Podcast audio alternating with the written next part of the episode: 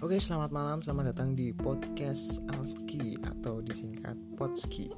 Ini adalah podcast pertama saya, iseng-iseng sih kegabutan lah, biasa. Nah, podcast pertama kali ini kayaknya nggak bakal banyak ngomong, uh, tapi aku akan nyoba kenalin diri aja. Nama saya Alif. Profesi saya tiap hari itu jadi barista di salah satu cafe di Jogja yang tempatnya tuh di dekat alun-alun Kidul Oke, okay, uh, eh, mungkin podcast saya ke depannya akan berisi tentang persahabatan kehidupan, percintaan atau opo lah wes. Yang penting gayeng wae atau mungkin segitu dulu aja perkenalan saya. Bakal dilanjut di episode